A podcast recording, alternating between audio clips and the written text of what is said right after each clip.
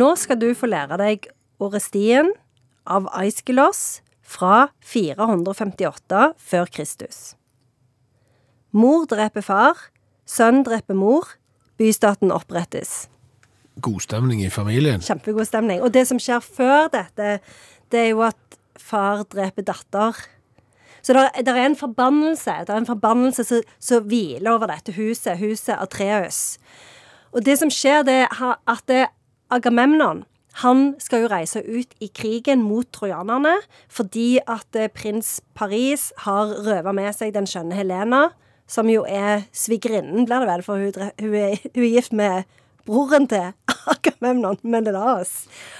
Og så får de ikke vind i seilene, og så tenker Agamemnon lurt å ofre Ifigenia, dattera mi, til havguden, for dette, da blir det sikkert bra. Så gjør han det, får vind med en gang. Klytamnestra, som er kona til Agamemnon, sitter hjemme, er kjempesint i alle de år. Med en gang Agamemnon kommer hjem fra krigen, så dreper hun ham. Hva var det hun hette? Klytamnestra. Høres ut som en kjønnssykdom. Og særlig når du er fra Sandnes.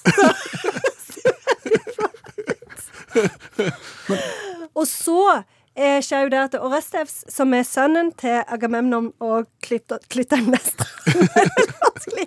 Han eh, dreper jo eh, mora. Og så har du det gående, og så er det furiene. De kommer òg på banen. De skal jo drepe alle. Så de er jo kjempesinte og vil bare ha blodhevn. Men så kommer Atene til slutten, og så sier hun sånn Nå må alle roe seg ti hakk.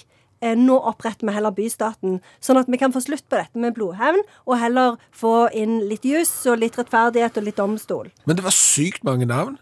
Det er veldig mange navn, veldig lange navn. Ja. det, og det er jo en ulempe når du skal på en måte eh, snakke om disse forskjellige karakterene. Og så er det jo òg problemet med tittelen. Ja, For, for den høres ut som eh, et gatenavn i Stavanger. Orrestien. Det er nettopp det. Og jeg husker når jeg skulle ta litteraturvitenskap, eh, grunnfag, hadde jo ikke jeg, jeg var jo fra Sandnes, hadde jo ikke hørt om denne. Så jeg var sånn Hæ, hva er denne Orrestien som jeg skal lese? Men det er Orrestien.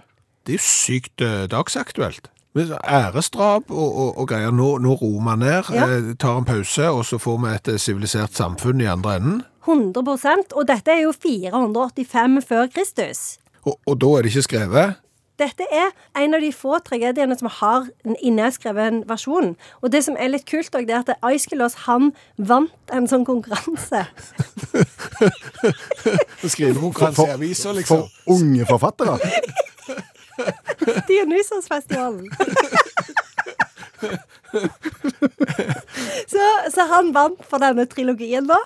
Og en fun fact er jo at Jon Fosse, sjølveste, har skrevet en oversettelse eh, ganske nylig av denne trilogien.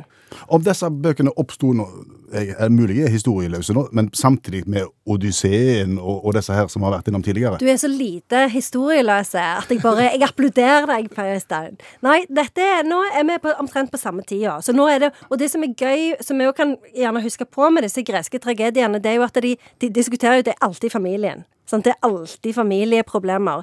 Har du et berømt sitat fra Oristien? Det har jeg. Eh, og det er litt sånn halvlangt, men eh, jeg vil si at det passer.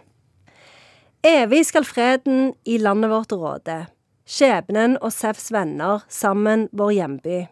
La det gi gjenlyd fra jublende stemmer. Da skal du få lov til å oppsummere Oristien for oss. Tusen takk. Eh, For det første så tror jeg kanskje at vi skulle oversatt den en gang til, og da i diktform for eksempel i Limerick, for det var veldig nærme.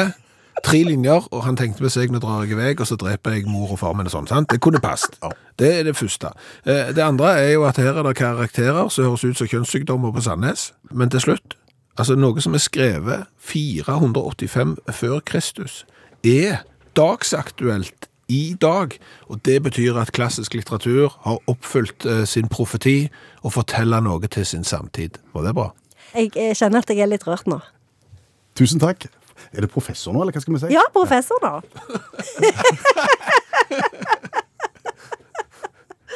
Tusen takk, forfatter og professor Janne Stigen Drangsholt.